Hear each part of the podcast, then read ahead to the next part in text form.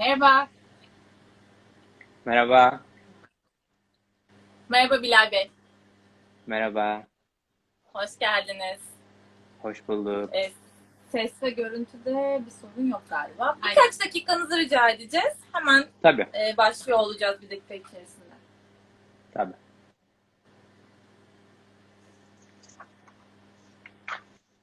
Tamam herhalde.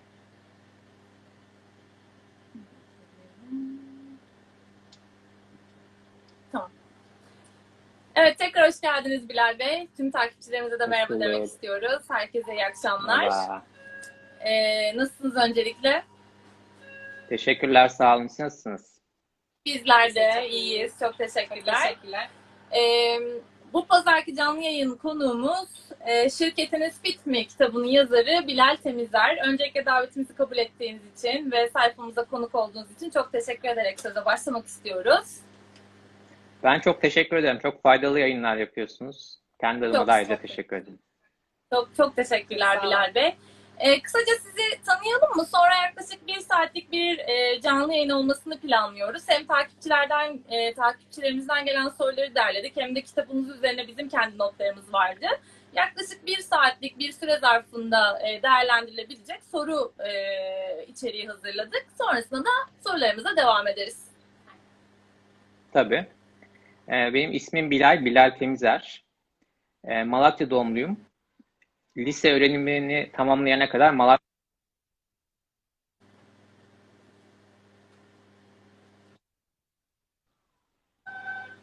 Ee, İstanbul'da Marmara Üniversitesi İktisat bölümünü bitirdim. Daha sonra da yüksek lisans olarak da küresel pazarlama ve marka yönetimi üzerine yüksek lisans yaptım. Bir tekstil şirketinde yöneticilik yaptım. Daha sonra da kendi işim olan danışmanlığa geçtim. Danışmanlıkta marka ve dijital pazarlama noktasında danışmanlık yapıyorum. Ayrıca iş insanlarıyla birebir e, yol arkadaşlığı adını verdiğimiz bir danışmanlık projemiz var. O şekilde danışmanlık yapıyorum. Bunun dışında çeşitli kurumlarda eğitimler veriyorum. Bu eğitimler dönem dönem marka eğitimleri oluyor. Dönem dönemde dijital pazarlama ve dijitali daha iyi anlama üzerine kültür eğitimleri oluyor. Genelde böyle bir çalışma Hı hı. sistematiğim var. Çok güzel kolaylıklar diliyoruz. Teşekkürler. Şimdi. Bilal Bey isterseniz şöyle başlayalım. Ee, kitabınızın da isminden e, esinlenerek başlayalım. Bir şirketin fit olması e, ne demek? Onunla başlayalım. Bundan ne anlamayız, anlamalıyız? Bir şirket neden fit olmalı? Kısaca yorumlarınızı rica edebilir miyiz? Aslında şirketin fit olmasının temel nedeni dünyanın değişmiş olması. Yani aslında pandemiyle birlikte bunun nedenlerini daha net görüyoruz ya da sonuçlarını daha net görüyoruz ama e, ben kitapta da hep şunu vurguladım. Yani 2000'den sonra farklı bir dünya var. Bunun birçok nedeni var, birçok faktörü var ama eskiye göre çok daha farklı, çok daha e, birçok anlamda değişken bir dünyadan bahsediyoruz. Fit de aslında yeni çağa uyum sağlama rehberi. Yani bir şirketin fit olmasının nedeni çağa uyum sağlayabilmesi. Çünkü geçmişi hatırladığımız zaman birçok çok büyük markanın sırf çağa uyum sağlayamadığı için iflas ettiğini gördük. Yenilmez, yıkılmaz denilen markaların yenildiğini, yıkıldığını gördük. Aslında yeni bir çağ var. Ama şöyle bir enteresanlık var. Hala kullanılan birçok pazarlama çalışması ya da pazarlama teorisi 1990'lar, 80'ler, 85'lerin kavramlarını daha çok anlatmaya çalışıyor. Ama baktığımızda Hı bambaşka bir dünyadayız, bambaşka bir ekonomideyiz. Yani sanayi ekonomisinden bilgi ekonomisine, bilgi toplumuna geçmiş durumdayız. Öyle olduğu için de bu toplumda ve bu dünyada başarılı olmak için farklı şirket olmak lazım. Farklı bir yapıya sahip olmak lazım. Bunu sağlayan faktörler de aslında fit olmak. Fit'in açılımı da feasible. Yani feasible'dan ka- kastettiğim nokta şu. Uyum sağlayan bir şirket olmak. Yani hem çevik, etkili ve çağa uyum sağlayan bir şirket olmak. Intelligent, intelligent da akıllı bir şirket olmak. Ve teknolojik Hı hı. ve teknolojik bir şirket olmak. Yani bunu yaptığınız zaman aslında fit olmuş oluyorsunuz. Fitliğin hani biraz da e, vücutsal ya da bedensel anlamı da var. Orayla da bir bağlantısı var. Yani şirketler daha fit oldukları zaman daha başarılı olacaklarına inanıyorum. E, ve şunu da görmekte fayda var. Şu an dünyanın en büyük 5 şirketinin 5'i de teknoloji şirketi. Bundan bir 10 yıl önce bu 5 şirketin sadece bir tanesi teknoloji şirketiydi. Yani demek ki artık teknoloji tüm dünyayı, tüm ekosistemi değiştiren bir yapıya sahip ve birçok faktörü değiştiriyor. Yani dünyanın 5 e, şirketinin 5'inin de teknoloji şirketi olmasının en önemli nedeni de aslında bir ağ ekonomisi var. Milyarlarca insana ulaşabilme becerisi var. Bu hem ekonomiyi hem markayı hem işletmeyi değiştiriyor. Bu açılardan baktığım zaman da ben şirketlerin fit olması gerektiğine inanıyorum. Evet, evet güzel bir başlangıçtı. Devam edelim.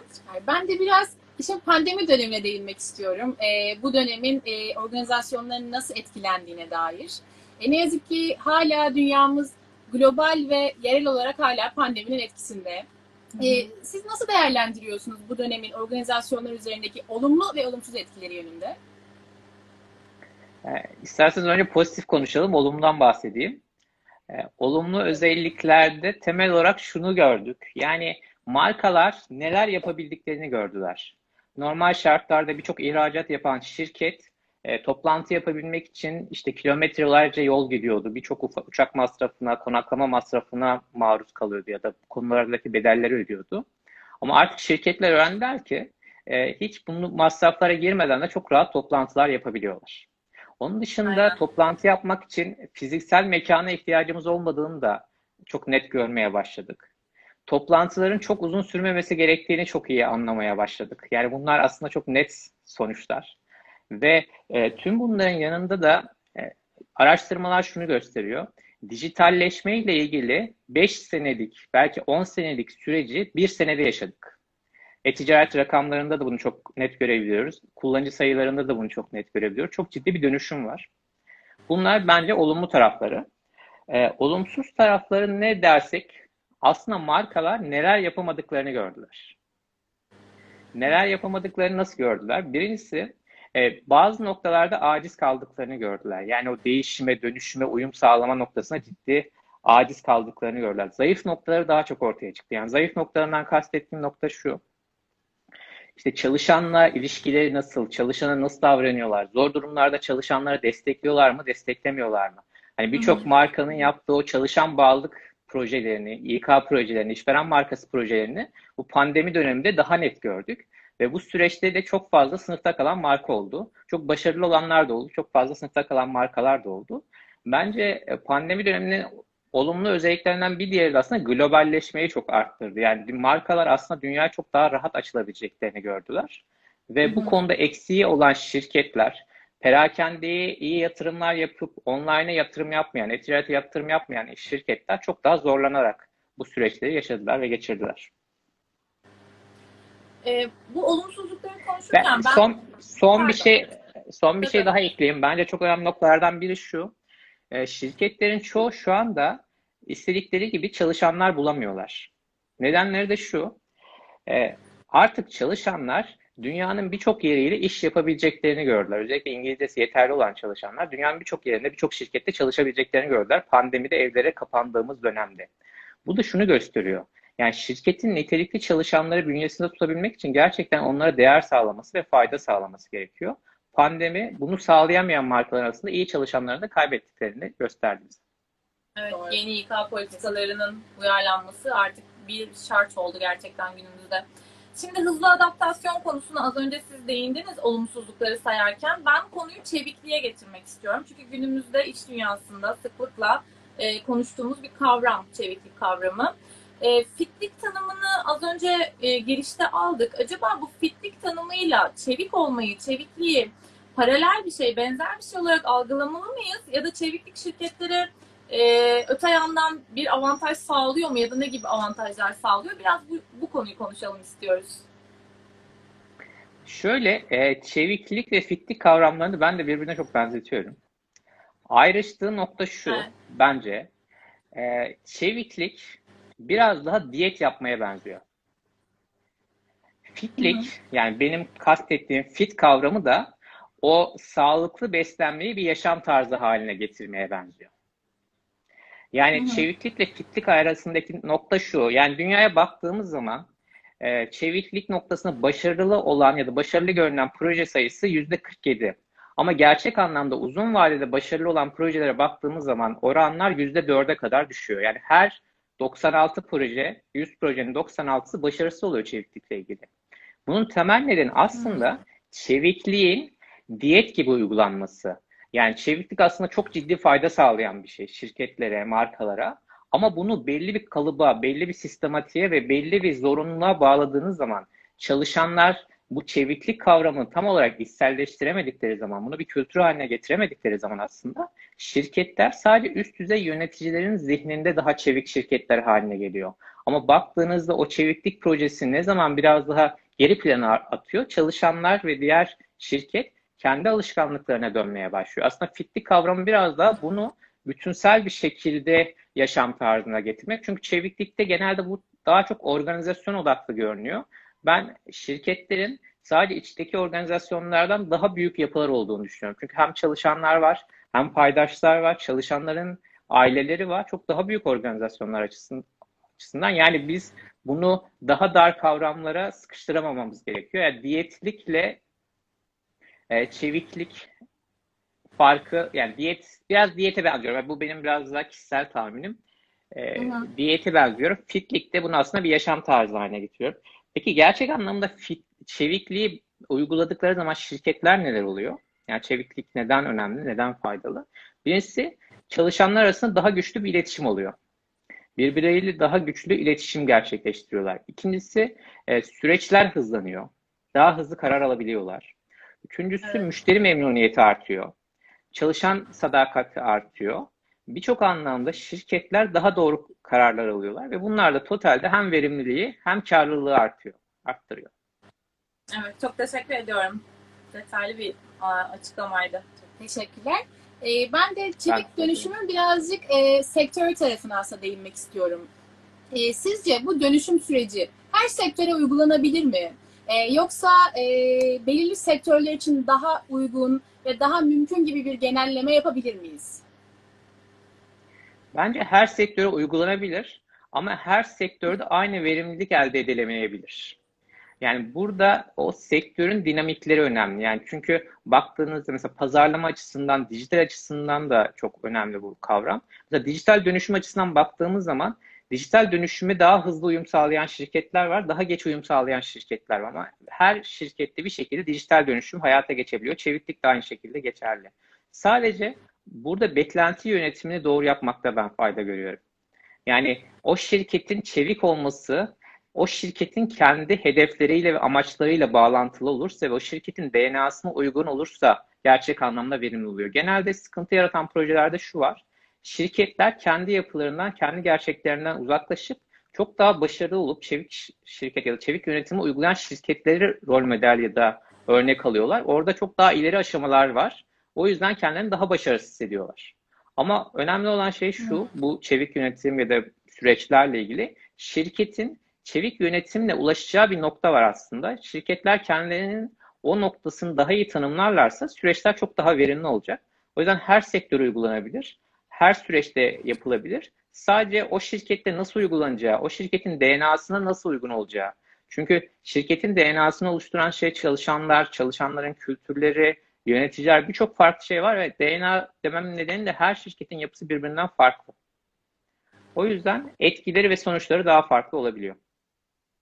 Çevikliğe nokta koymadan önce son bir şey soracağım. Ee, Burcu sektör bağlantısını sordu. Ben de ülkemizdeki boyutunu merak ettim. Yani dünyayla bizi kıyasladığımızda Türkiye için e, bu çevik dönüşüm oranını ya da bu kıyası bir konumlandırabilir miyiz? Yani ne kadar e, olayın neresindeyiz çevik dönüşüm boyutunda ülke olarak? Ülke olarak şöyle, e, biraz önce bahsettiğim gibi dünyada da çok zor bir iş çevik dönüşüm ve bu projelerin evet. hayata geçmesi gerçekten çok zor bir durum. Çok e, nitelikli insan kaynaklarına ve sürdürülebilir vizyona ihtiyaç var.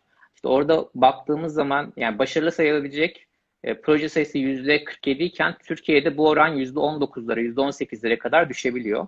Orada biraz daha düşük oranımız. Sadece şunu söyleyebilirim. Biz projelere daha hızlı başlıyoruz daha fazla eylem gerçekleştiriyoruz ama orada biraz sürdürülebilir nokta, sürdürülebilirlik noktasında eksikler yaşıyoruz. Anladım.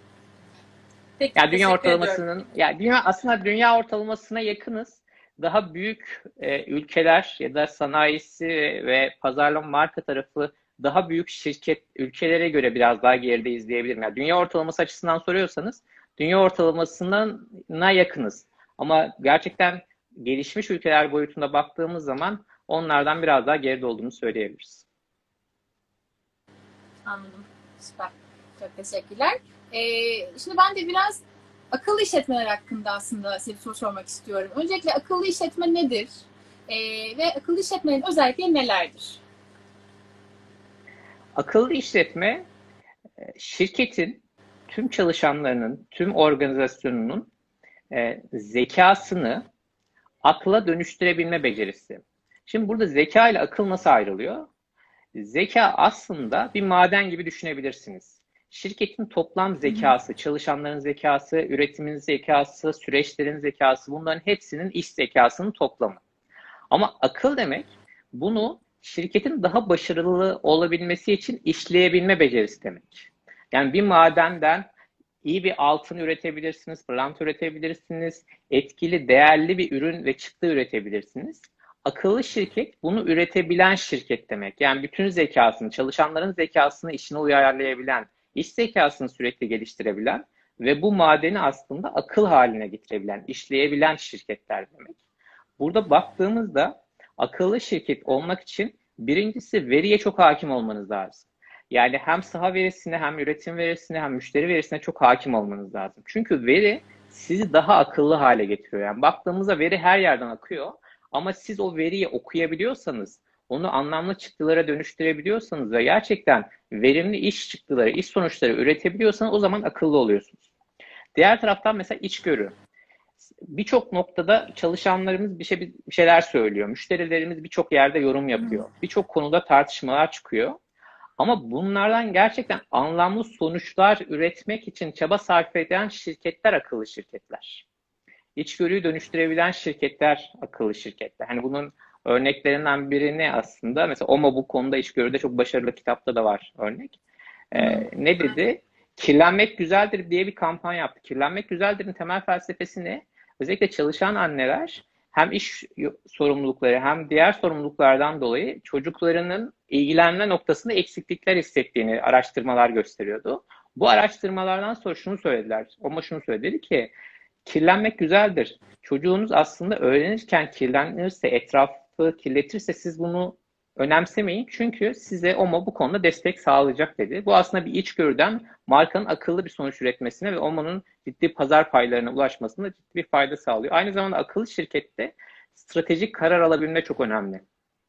Yani yaptığınız tüm çalışmalar ve hedefleri en iyi sonuçlar ve en verimli e, çıktılara dönüştürebilmek için aslında stratejik kararlar alabilmeniz lazım. Bir diğer faktör de inovasyon aslında.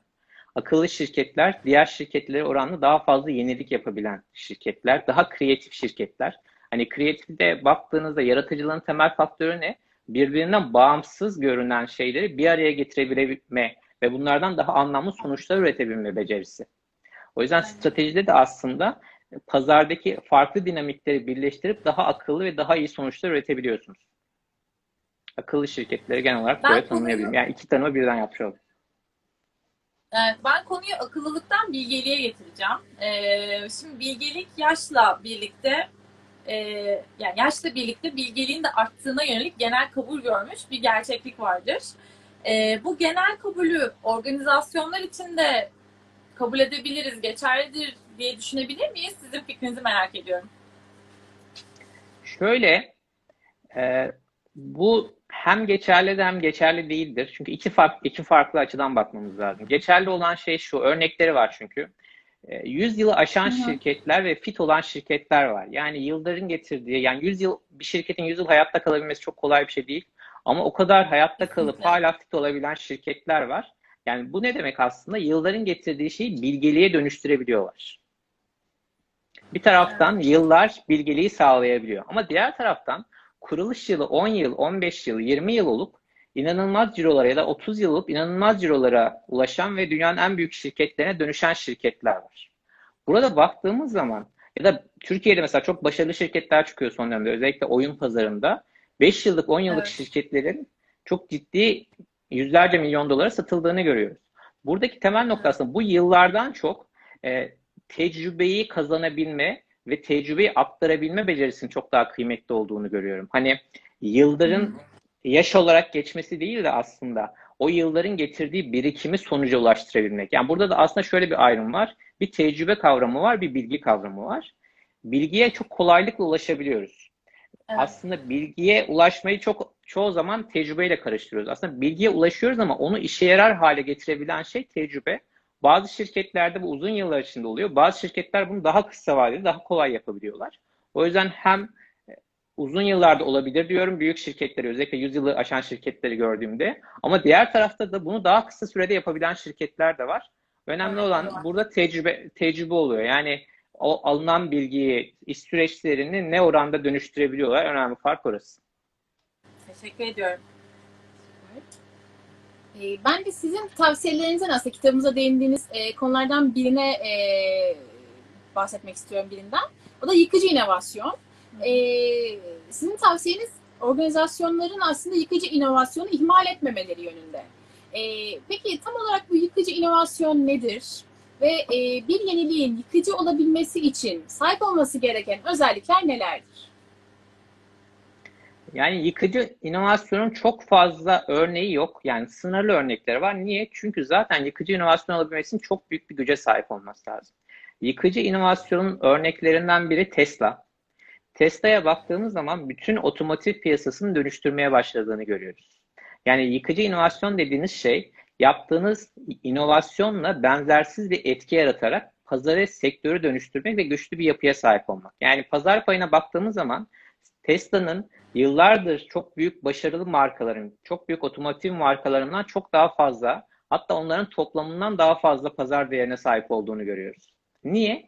Yıkıcı bir yenilik yapabildiği için, teknolojiyle elektrikli araba vesaire kullanabilmek kullanabildiği için ya da mesela Tesla şu anda yapay zeka en fazla yatırım yapan şirketlerden biri. Yapay zekayı otomotiv sektörüne e, doğru şekilde entegre edebildiği için. Mesela bir diğer örnek yıkıcı inovasyonla ilgili Apple'dır. Apple aslında telefona akıl katabildiği için bu kadar büyük bir şirket olabildi. Yani baktığımızda e, akıl no- normalde 2007'de çok önemli bir yabancı derginin kapağı var diyor ki Nokia'yı tahtından kim indir, indirebilecek? Kim indirebilir diyor. Çünkü o zaman Nokia dünya birincisi ve %36 pazar payı var. Ama şu an Nokia'dan bahsedebiliyor muyuz? Bahsedemiyoruz. Çünkü Nokia hep kendi rakiplerine göre yenilikler yaptı. Nokia belki birçok inovasyon yaptı. Birçoğumuz Nokia kullandık. Ama yıkıcı inovasyonu kendi rakibi olmayan bir şirket Apple yaptı. O yüzden yıkıcı inovasyon kavramı aslında tüm sektörün dinamiklerini yerinden oynatan bir yenilik ve farklılık diyebiliriz. Teşekkürler.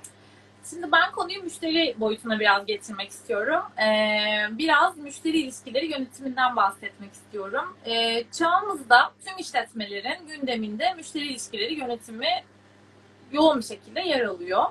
Ee, çünkü veriler e, kurumsal hafızayı besliyor, organizasyonlar çok çok daha müşteri odaklı olmak için çaba sarf ediyorlar. Peki içinde bulunduğumuz bu dijital çağda e, hızlı çağda fit bir organizasyonun müşteri ilişkisi sizce nasıl olmalı? Müşteri ilişkisi bence müşteriyi yönetmeye çalışmamakla başlamalı.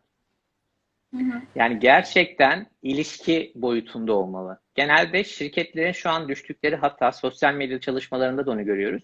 Müşterisini yönetmeye çalışıyor.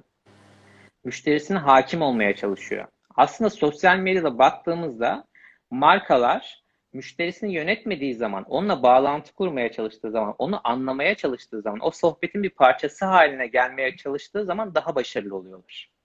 Ama müşterimi yöneteyim, onu yönlendireyim, onda davranış değişikliğine neden olayım noktasına odaklandığınız zaman başarısız oluyorsunuz. Çünkü bu dijitalin etkisi aslında markalar açısından şöyle bir yapıya neden oldu. E, ilk defa, tarihte ilk defa markalar müşterilerinden daha güçsüz hale geldiler birçok noktada. Çünkü mesela sosyal medyaya baktığımız zaman markanın bir hesabı var, müşterisinin milyonlarca hesabı var. Ve her şeyi söyleyebiliyorlar, her yorumu yazabiliyorlar.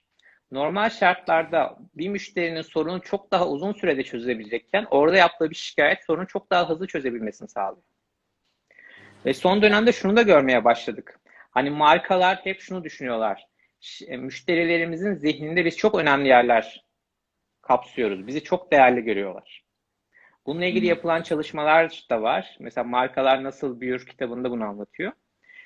Şirketlerin müşterilerinin sandıklarından çok daha az sadık olduklarını gördüklerini anlatıyor araştırmalar. Yani siz müşterinizi iyi anlarsanız, onun beklentilerini iyi anlar ve bu konuda çaba gösterirseniz ve onu yönetmeye çalışmak yerine onunla bağlantıya konu çalış, bağlantıya geçmek, onun ihtiyaçlarını iyi anlatmak ve ona iyi çözümler sunma noktasına gelirseniz daha fit bir müşteri ilişkileri çalışması yapmış olursunuz.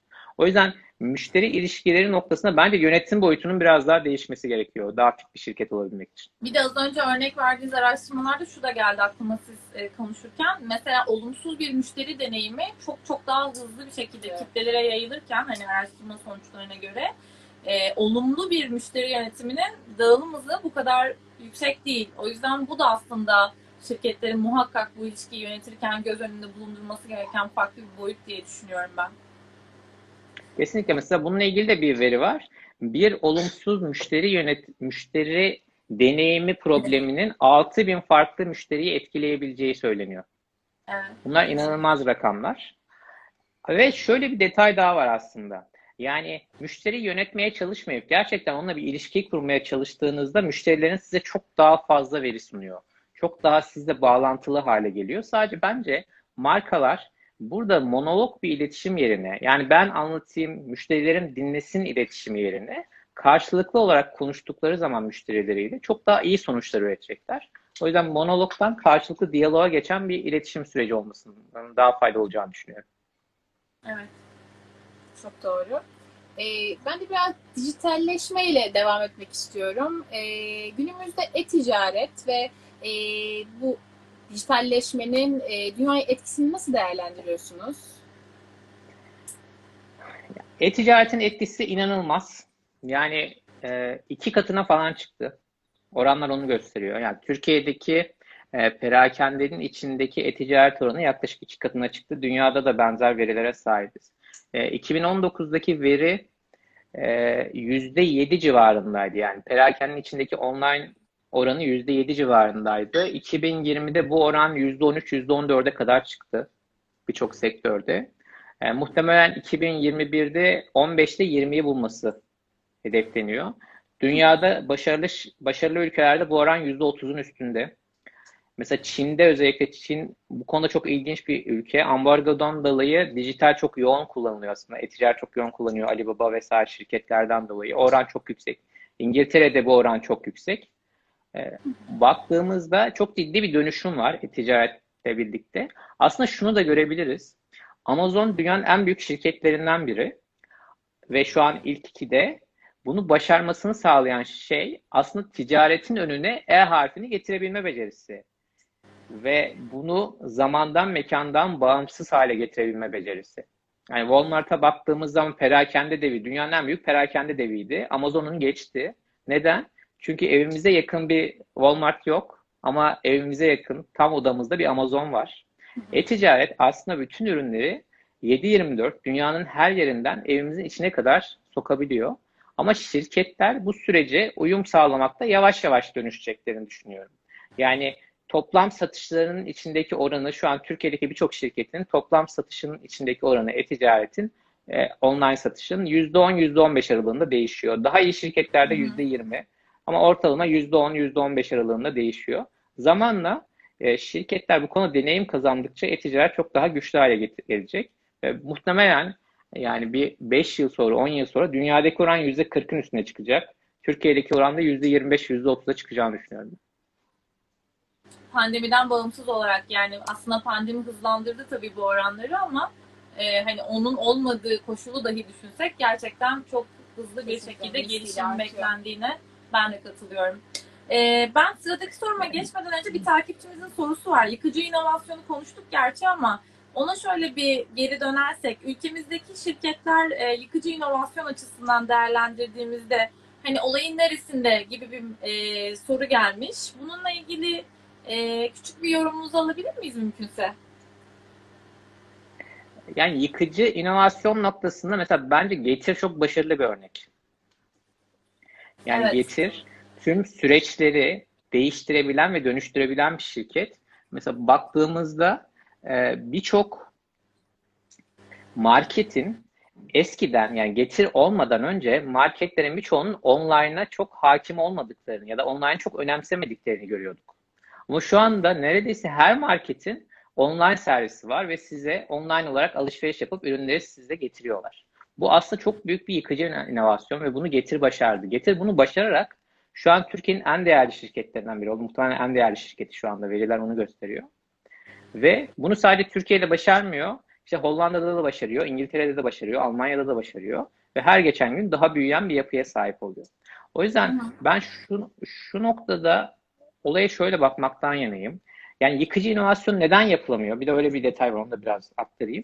Çünkü mevcut alışkanlıklarımıza, mevcut doğrularımıza, mevcut kabullerimize ve mevcut hedeflerimize ne kadar odaklıysak yıkıcı inovasyon yapma ihtimalimiz o kadar azalıyor. Yani getirin başardığı şey daha önce bir marketin olmaması. Getir bir marketle başlasaydı muhtemelen Getir bu orana ulaşamayacaktı.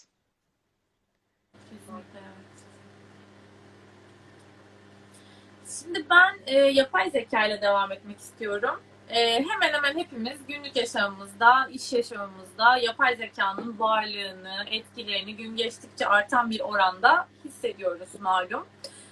Yakın ve orta vade için konuşursak, yakın ve orta vade gelecekte e, ilgili yapa, yani yaşamlarımızda yapay zekanın ne şekilde etkilerini görüyor olacağız? Bununla ilgili düşüncelerinizi, tahminlerinizi e, alabilir miyiz mümkünse? Kesinlikle. E, yapay zekanın e, önümüzdeki dönemde çok daha etkin hale geleceğini düşünüyorum birçok anlamda. Sadece şu ayrımı iyi yapmakta fayda var. Yapay zekanın ileri seviyede kullanıldığı sistemler var. Daha düşük seviyede kullanıldığı sistemler var. Yani mesela hmm. otonom araçlarda yapay zeka çok daha ileri bir seviyede kullanılıyorken bizim telefonlarımızda kullandığımız Siri uygulamasında yapay zeka daha düşük bir seviyede kullanılıyor. Yani kendi içinde de yapay zekanın katmanları var. Yani yapay zeka destekli mesela e, moderasyon yapan botlar var. Bu da yapay zeka çalışması. Bu açıdan baktığımız zaman şirketlerin uyumu ve dönüşüm açısından e, şirketlerin aşama aşama ilerlemesinde fayda var. Yani yapay zeka tamamen göz korkutucu bir şey ilk başta. Çok büyük bir dönüşüm, çok ciddi bir e, bütün pazarı dönüştürebilecek bir şey. Ama her şirketin yapay zeka uygulamaları ya da yapay zeka desteklerinden yararlanabileceği detaylar var. O yüzden şirketler yapay zeka ile ilgili çok ileriye hedeflemeden daha kısa vadede sonuç üretecek uygulamaları kullanmaya başlasalar ve yapay zeka ile ilgili şirket içinde bir düşünce sistemi oluşturursalar zaman içinde yapay zekada daha etkili ve daha güçlü hale gelecekler. Ben yapay zeka ile ilgili biraz hani e, bu yani bir noktaya evet geldi kabul ediyorum ama çok daha böyle hızlanmasının önünde en büyük en azından günümüzde engelin hukuki boyutu ve etik, etik boyutu evet. konusunda çözülemeyen noktaların olmasına evet. bağlıyorum. Yani bu konuyu da biraz açmak istiyorum o yüzden. Örnek veriyorum. İlk örneğiniz e, otonom araçlar. Sürücüsüz bir araç. İşte hep okuyoruz. Araştırmalarda sıklıkla geleni alıyor. İşte diyelim ki bir kaza yaparsa bu kazanın verdiği hasara, hasarın e, maddi olabilir ya da Allah korusun ölümcül bir kaza e, olursa bu e, durumun sorumlusu kim? Aracı e, üreten firma mı? O aracı satın alan kişi mi? E, yazılımı o araca e, entegre eden yazılımcı mı? Vesaire vesaire. Yani işin hukuki ve etik boyutunda sanırım tartışılan, süre gelen ve çözüm bekleyen çokça husus var. O yüzden biz belirli bir seviyede belki şu an yapay zekayı kullanıyoruz. E, ama bu bir devinime ihtiyaç duyuyor evet ama arkasında sanıyorum bu tarz durumların birazcık daha çözüme kavuşması gerekiyor. Yanılmıyorsam zaten 2018 yılında bir komisyon kuruldu bu etik tarafıyla aslında e, ilgilenen ama e, inanılmaz hızla e, gelişen yapay zekanın aksine işin dediğim gibi etik ve hukuki tarafı çok yavaş ilerliyor. Yani hala netleşebilen ve bizlere ulaştırılan herhangi bir e, sistem yok elimizde. Evet, evet ne yazık ki büyük bir engel. Yani bize göre hani engel olarak nitelendirebileceğimiz bu var. Acaba katılıyor musunuz yoksa farklı bir eklemek istediğiniz husus var mı bu hızlanmayla ilgili? Katılıyorum. Bir de çözülmesi gereken şöyle bir detay var. Yapay zekanın değerleri ne olacak? Yani sonuçta evet, biz araba sürdüğümüzde karşımızda iki seçenek çıktığı zaman ve genelde sürücülerin çoğu şunu seçiyor. Mesela bir aile ya da daha fazla topluluğa çarpmak yerine kendileri bir ağaca çarpmayı tercih edebiliyor birçok sürücü. Bu tamamen insani ve içgüdüsel bir refleks. Evet. Ama yapay zeka böyle bir durumda ağaca çarpmayı mı tercih edecek? Daha topluluğa mı çarpmayı tercih edecek? Hangi kendisine daha az zarar veren şeyi mi tercih edecek? Daha çok zarar veren şeyi mi tercih edecek? Burası aslında yapay zekaya biz o süreçlere ne kadar etik, ne kadar değer ekleyebileceğimizin önümüzdeki süreçte görebileceğimiz bir detay. Yani bu da zaman içinde oturabileceğini düşünüyorum ben. Birçok noktada dönüşüme ihtiyacımız var, birçok noktada gelişime ihtiyacımız var. Yani orada şunu çok tartışmaya başlayacağız. Robotlarla ilgili de çok fazla tartışmaya başlayacağız. Yani birçok artık üretimde de çok fazla robot kullanılıyor. Robot bir kararı verirken o karar için en doğrusunu mu yapacak? Yoksa o karar için en etik olanı mı yapacak? Çünkü evet. o kararla ilgili, o yapıyla ilgili etik olmayan bir şey yapıp daha fazla kazanım elde edebilir. Bunun tercih edecek. Yoksa orada etik standartlar içinde mi kalacak? Hani burada da sadece bizim değil, yani robotların da öğrenmesi gereken birçok şey olacak gibi görünüyor. O yüzden şimdi günümüzde belki limitli bir oranda aslında yapay zeka işte telefonlarımızda ya da ne bileyim e, bir e-ticaret sitesinde bir alışveriş yaptığımızda yaşadığımız bir sorunun çözüm, çözümü için birçoğumuz ilk etapta işte chatbotlarla e, muhatabız, bir yapay zekayla muhatabız. Ama dediğiniz gibi değerler, etik normlar, yasal mevzuat bunlarla ilgili e, düzenlemeler olmadan sanıyorum e, o daha bir hızlanma sürecine girmek pek mümkün bir olmayacak. Bir de işin duygular tarafı var biliyorsun ki. Yapay zeka artık duyguları da e, öğrenip onlarla hareket edebilmeyi öğreniyor. Yine iş içine değerler giriyor değerler, ama. Tabii ki ama yani hani duygusal tepkiler verebilen bir robot da burada aslında insanlık için çok da tahmin edilebilir olmayacaktır. Bunları göreceğiz. Gerçekten de ya, ya, yapay zeka ile ilgili bir detay daha ekleyeyim.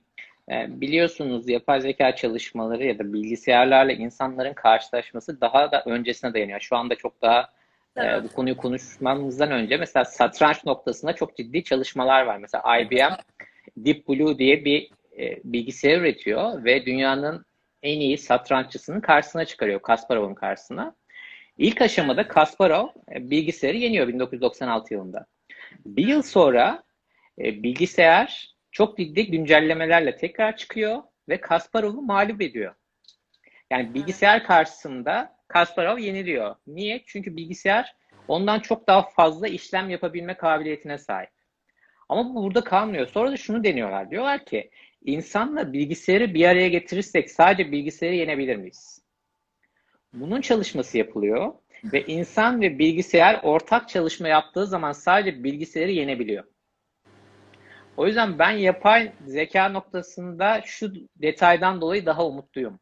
Biz yapay zeka ile işbirliği yapabilirsek, bizim kendi insani olarak fark yarattığımız noktalarla yapay zekanın fark yarattığı noktaları bir araya getirebilirsek, e, bir önce bahsettiğiniz duygular kavramı çok önemli. Yani insanı farklı yapan, yaratıcı yapan ya da hayvanlardan ayıran en önemli detaylardan biri aslında düşünebilme, hayal, hayal gücü, farklı hissedebilme becerisi, o duyguları yapay zeka ile bir arada kullanabildiğimizde aslında yapay zeka da bambaşka bir boyuta gelecek. Bizim yarattığımız detaylar da bambaşka bir boyuta gelecek. Ama şu anda biz yapay zekayı biraz daha insan ve yapay zeka olarak düşünüyoruz.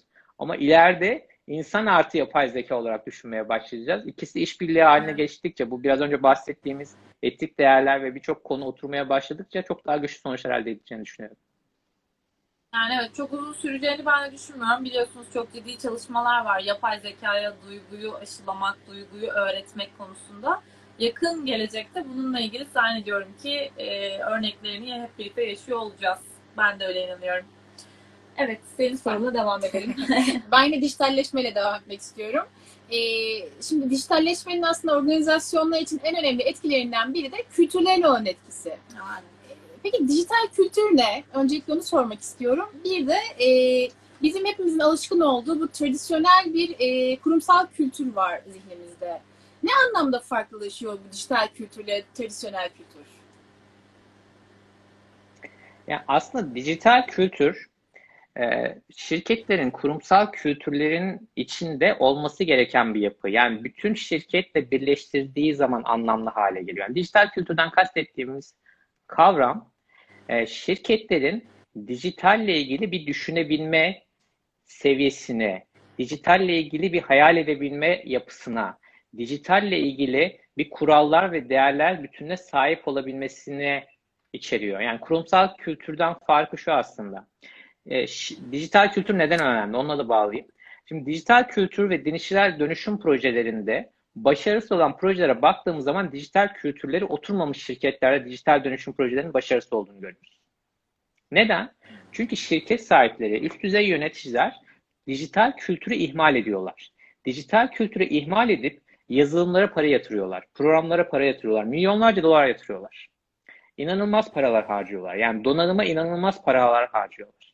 Ama o donanımı kullanacak insanların dijitalle ilgili bilgi seviyelerini arttırmaya çok para, vakit, önem harcamıyorlar. Dijital yetkinliklerini arttırmaya yeterince vakit, para, emek harcamıyorlar. Aslında dijital kültür dediğimiz şey bir İK'cının dijitalle ilgili tüm araçları, dijitalle ilgili tool'ları kendi işini nasıl geliştireceği noktasında kullanabilme becerisi demek.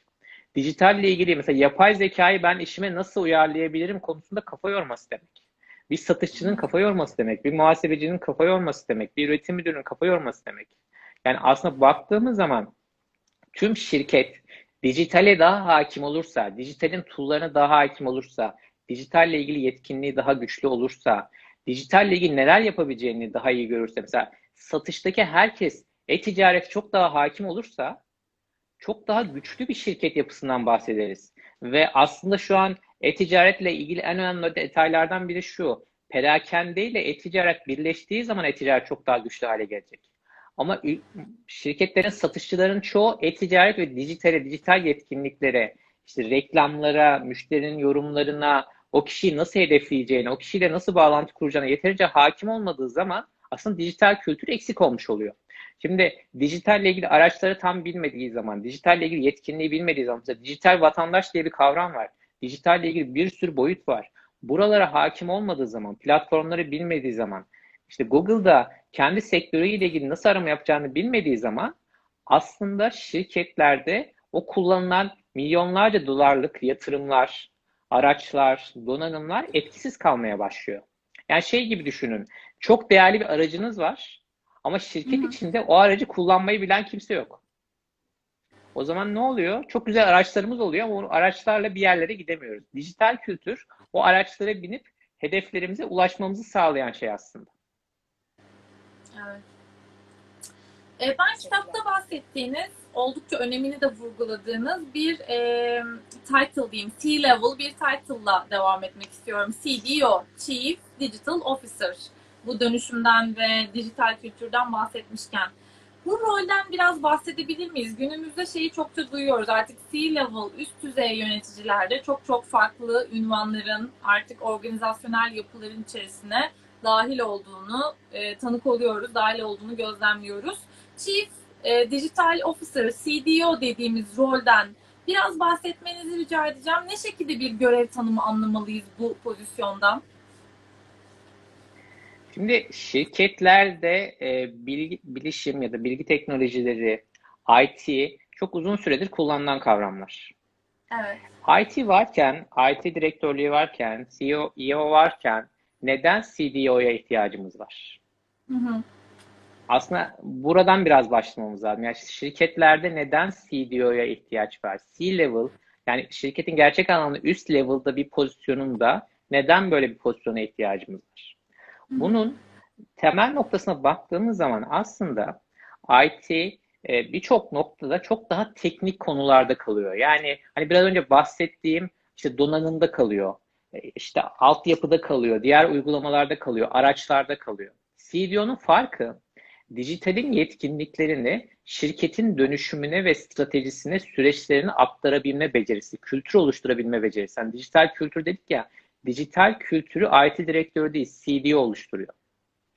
Evet. Şirketin dijitalle birlikte nasıl dönüşülebileceğini CDO planlıyor.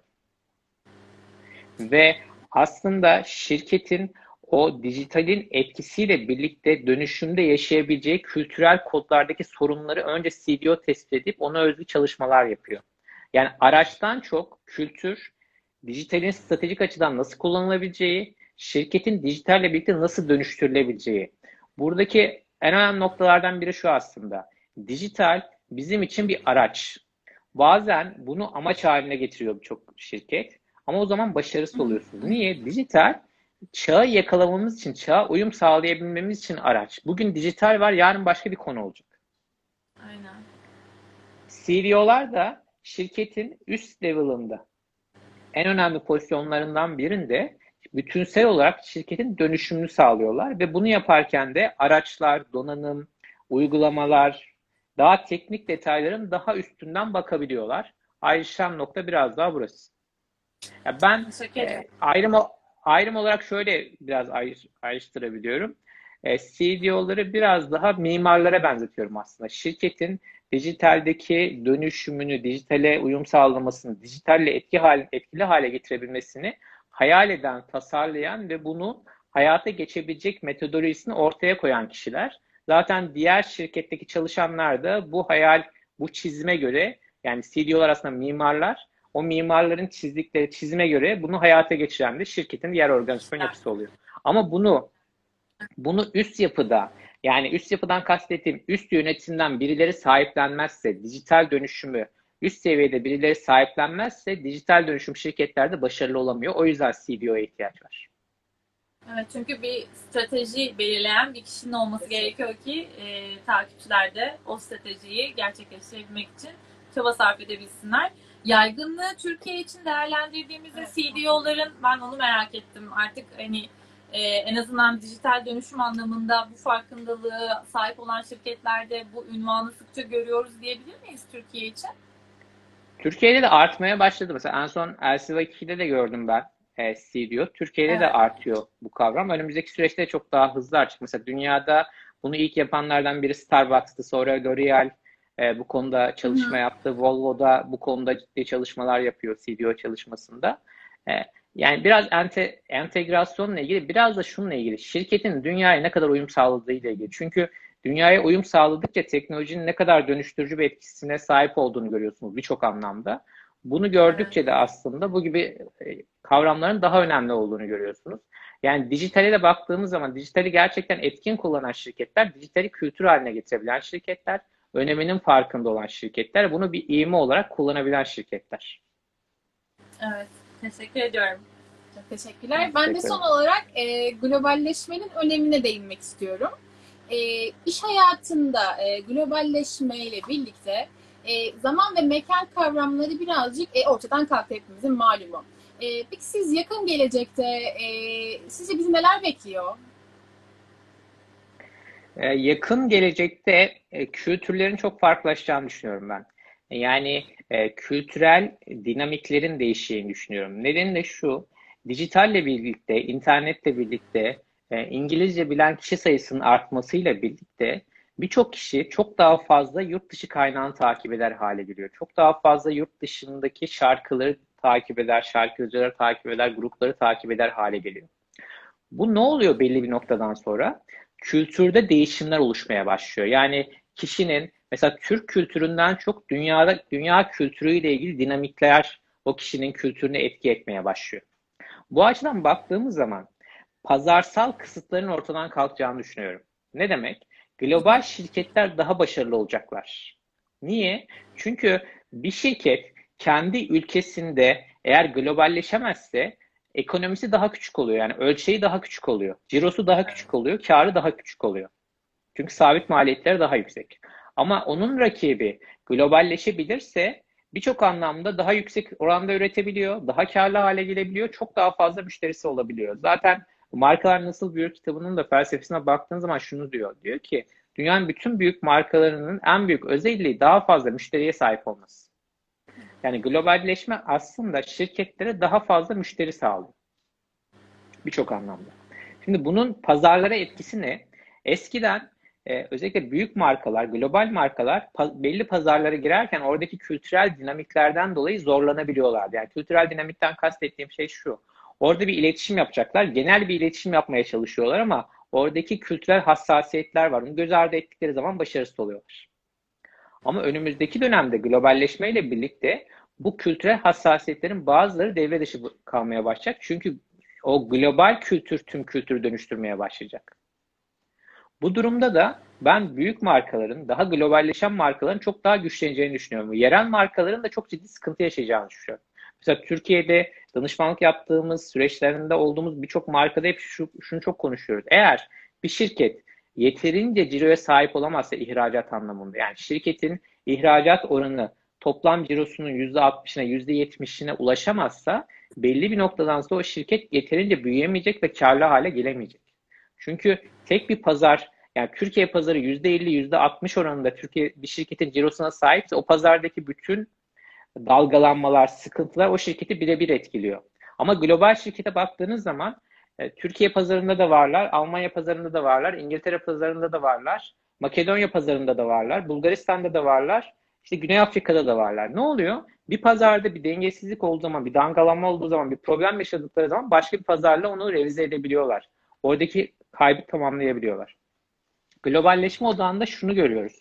Aslında internet pandeminin etkisi bir de pandemiyle ilgili şunu da söyleyebiliriz. Aslında dijitalleşme vardı. Biz pandemiyle ilgili zor durumda kaldığım için bunu kullanmaya başladık birçok anlamda. Yoksa hani uzaktan görüşme ile ilgili de Skype birçok şey kullanılıyor. Zoom da vardı. Zoom da kullanılıyordu. Ama kısıtlar bizi bunun daha gözümüzün önüne gelmesini sağladı. Globalleşme ile ilgili özellikle markalara çok, hep şunu öneriyorum. Diyorum ki bizim çok daha farklı ülkelerde olmamız lazım. Çok daha fazla ülkede olmamız lazım. Niye?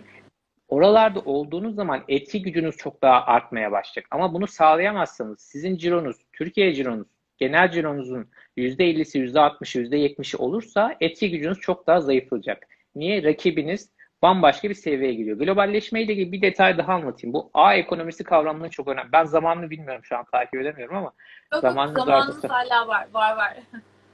Tamam. Ee, bir örnek daha anlatayım. Mesela A ekonomisinin en önemli farkı şu. Yani mesela Amazon Walmart'ı niye geçti? Çünkü e, yaklaşık 2 milyar insana dokunabiliyor. Evet. Doğrudan ya da dolaylı olarak 2 milyar insana dokunabiliyor. Baktığımızda 5 milyarın üzerindeki insanların insanın internete bağlı olduğunu görüyoruz. Evet. A ekonomisi de bu bağlı olan kişi sayısından kaç kişiyi sizin şirketinize çektiğinizi anlatıyor. Mesela Apple'ın da bu kadar başarılı olmasının nedeni o. Milyarın üzerinde milyarlarca iPhone satabilme becerisi. İnternet bu kadar aktif olmasaydı, insanlar bu kadar birbirine bağlı olmasaydı, Apple'ın bu kadar müşterisi olur muydu? Olmazdı. Amazon'un bu kadar müşterisi olur muydu? Olmazdı. O yüzden şirketlerin aslında şuna bakması lazım. Ya da mesela Türkiye'de 2 milyar dolara yakın bir fiyata satılan oyun şirketi var. Son dönemde 100 milyon, 150 milyon, 200 milyon dolara yakın satılan oyun şirketler var. Bunların bazıları 5 yıllık, 10 yıllık şirketler. Bir şirket böyle bir gücü nasıl oluşturabiliyor? Mesela getirin değerlenmesinin 10 milyar doların üstünde olduğu düşünülüyor. Getir bu oranı nasıl ulaştı? Aslında buradaki temel nokta şu. Kaç milyon kişiye, kaç milyar kişiye, kaç yüz milyon kişiye ulaşabiliyorsunuz? Aslında burada getiri başarılı kılan şey milyonlarca insana uygulama vasıtasıyla ulaşabilme ve onlardan düzenli olarak ciro elde edebilme becerisi. Globalleşmenin en büyük farkı o. Siz internetin etkisiyle, dijitalin etkisiyle milyonlarca, yüz milyonlarca insana ulaşabilirsiniz. Onlardan elde ettiğiniz cirolarla çok büyük marka haline gelebilirsiniz. Bu iyi tarafı. Ama bunu yapamazsanız belli bir noktadan sonra çok büyük markalar sizin kültürel kodlarınızdaki değişimler ve dönüşümler ve kısıtlar kalktıkça pazarınıza çok daha hakim olmaya başlayacaklar ve sizi çok daha zor duruma düşürmeye başlayacaklar. Bu önümüzdeki gelen gören yani önümüzdeki dönemde görebileceğimiz bir konu. Globalleşmenin bizim açımızdan iyi tarafı bence çok büyük pazarlara ulaşabilme, çok büyük dönüşüm yaratabilme becerisi. Kötü tarafı da şu, eğer şirketler Türkiye pazarında sınırlı kalırlarsa, diğer pazarlara açılamazlarsa, e-ticaret ve diğer şey, kanallar açısından söylüyorum, bunu sağlayamazlarsa rakipleri zaman içinde kendileri üzerinde çok daha güçlü bir yapıya oluşturacaklar. Aslında globalleşmede iş gücünü de biraz belki düşünmek gerekiyor. Artık son dönemde konuştuğumuz bu gig ekonomisi, gig çalışanları dediğimiz kavram bence bunu da globalleşmeyle birlikte çok sıkça e, karşımıza çıkacak bir kavram olarak ben değerlendiriyorum. Çünkü artık iş gücü de mekandan bağımsız, zamandan bağımsız, o bahsettiğimiz dijital dönüşümle birlikte internet bağlantısının artık herkesin e, çok rahatça ulaşılabilir hale getirmesiyle çalışanları e, dünya yani daha kaliteli, daha organizasyonların ihtiyaç duyduğu niteliklere yönelik iş gücüne ulaşımı kolaylaştırıyor. Ve bu da yine sınırları ortadan kaldıran ve iş gücünün sizin niteliklerinize uygun bir şekilde aslında dünyanın herhangi bir şir- şirketinde e, sizin iş istihdam sağlayabilmenizi sağlıyor. O yüzden bence globalleşmenin iş gücü boyutunda da böyle bir etkisi var. E, bunu da göz ardı etmemek gerekir diye düşünüyorum. Kesinlikle yani şöyle bakıyoruz. Ee, aslında şirketlerin çalışanlarına baktığınız zaman her geçen gün daha zorlandığını görüyoruz. Evet. Çalışanlar konusunda. Niye? Her geçen gün gerçek anlamda tüm dünyayı algılayabilen ve tüm dünyanın yetkinliklerine sahip insan sayısı azalıyor. Evet. Bunların hepsini başarabilen insan sayısı azalıyor. Yani çok daha nitelikli ama çok daha sınırlı bir kitleye konuşmaya başlıyor ya da onlarla bağlantı kurmaya başlıyor markalar. Şimdi Türkiye pazarı açısından baktığımızda ve Türkiye pazarında çalışan bir markaya baktığımızda zaten az sayıda çok nitelikli insan var. Ya da başka bir ülke, sadece Türkiye açısından söylüyorum. Birçok ülke için bu geçerli. Az sayıda nitelikli insan var. Ve bu az sayıda nitelikli insanlar İngilizce bildikleri zaman dünyanın her yeriyle çalışabilme becerisine sahipler. Soru şuna dönüşüyor. Bu çalışanlar bizim şirketimizde neden çalışsınlara dönüşüyor. Yani aslında nitelikli çalışan markaların daha önüne geçmeye başladı. O yüzden markaların İK projelerinde işveren markasına bir de bu taraftan bakmaları gerekiyor. Yani biz nitelikli çalışanın çalışmasını sağlayacak nasıl bir ortam oluşturabiliriz? Yani mülakat yapmak, o insanları işe almak kolay ama o insanları işte tutabilmek, o insanları aynı heyecanla çalıştırabilmek çok zor. Çünkü sizin de söylediğiniz o nitelikli insan konusuyla ilgili en kritik noktalardan biri şu. Nitelikli insan her yerde çok iyi paralar kazanabiliyor. Her yerde ihtiyaç var. Ama gerçekten doğru insanların olduğu, heyecan duyulan ekiplerin olduğu, gerçekten challenge'ların olduğu, şirketlerin büyüdüğü yerlerde çalışmak istiyorlar. O açıdan da bakınca bunu dünya ölçeğine bakınca birçok şirkette çalışma şansları var. Asıl soru bence hani İK yöneticilerimizin, şirket yöneticilerimizin sorması gereken asıl soru gerçekten her yerde çalışabilecek şirket çalışanlar bizim şirketimizde neden çalışsınlar? Kesinlikle. Evet. Ee, Bilal Bey çok teşekkür ediyoruz. Tüm sorularımıza içtenlikle verdiğiniz yanıtlar için. Bugün e, Bilal Bey'in, Bilal Temizler'in Şirketiniz Fit mi kitabını tartıştık. E, Elma yayınlarından çıkan. Kendisine tekrar çok teşekkür ediyoruz. Kitabın içeriğinde ayrıca biz bugün bayağı bir örnekler üzerinden, firmalar üzerinden konuştuk ama benim en çok hoşuma giden taraflardan biri de o oldu. O kadar çok örnekler ve şirketler bağlamında detaylı e, case'leriniz var ki çok daha kavramların net bir şekilde e, anlaşılmasını sağlamış. E, o yüzden tekrar çok teşekkür ediyoruz. Katıldığınız için de çok teşekkür ediyoruz. Bizim için çok keyifli bir sohbetti. Kesinlikle. E, herkese iyi akşamlar diliyoruz. İyi akşamlar. Ben de çok teşekkür ederim. Ben de herkese iyi akşamlar diliyorum. Tüm katılımcılara, tüm, tüm izleyicilere de ayrıca teşekkür ediyorum vakit ayırdıkları için. Teşekkürler Bilal Bey. Görüşmek dileğiyle. Görüşmek üzere, hoşçakalın. Sağ olun.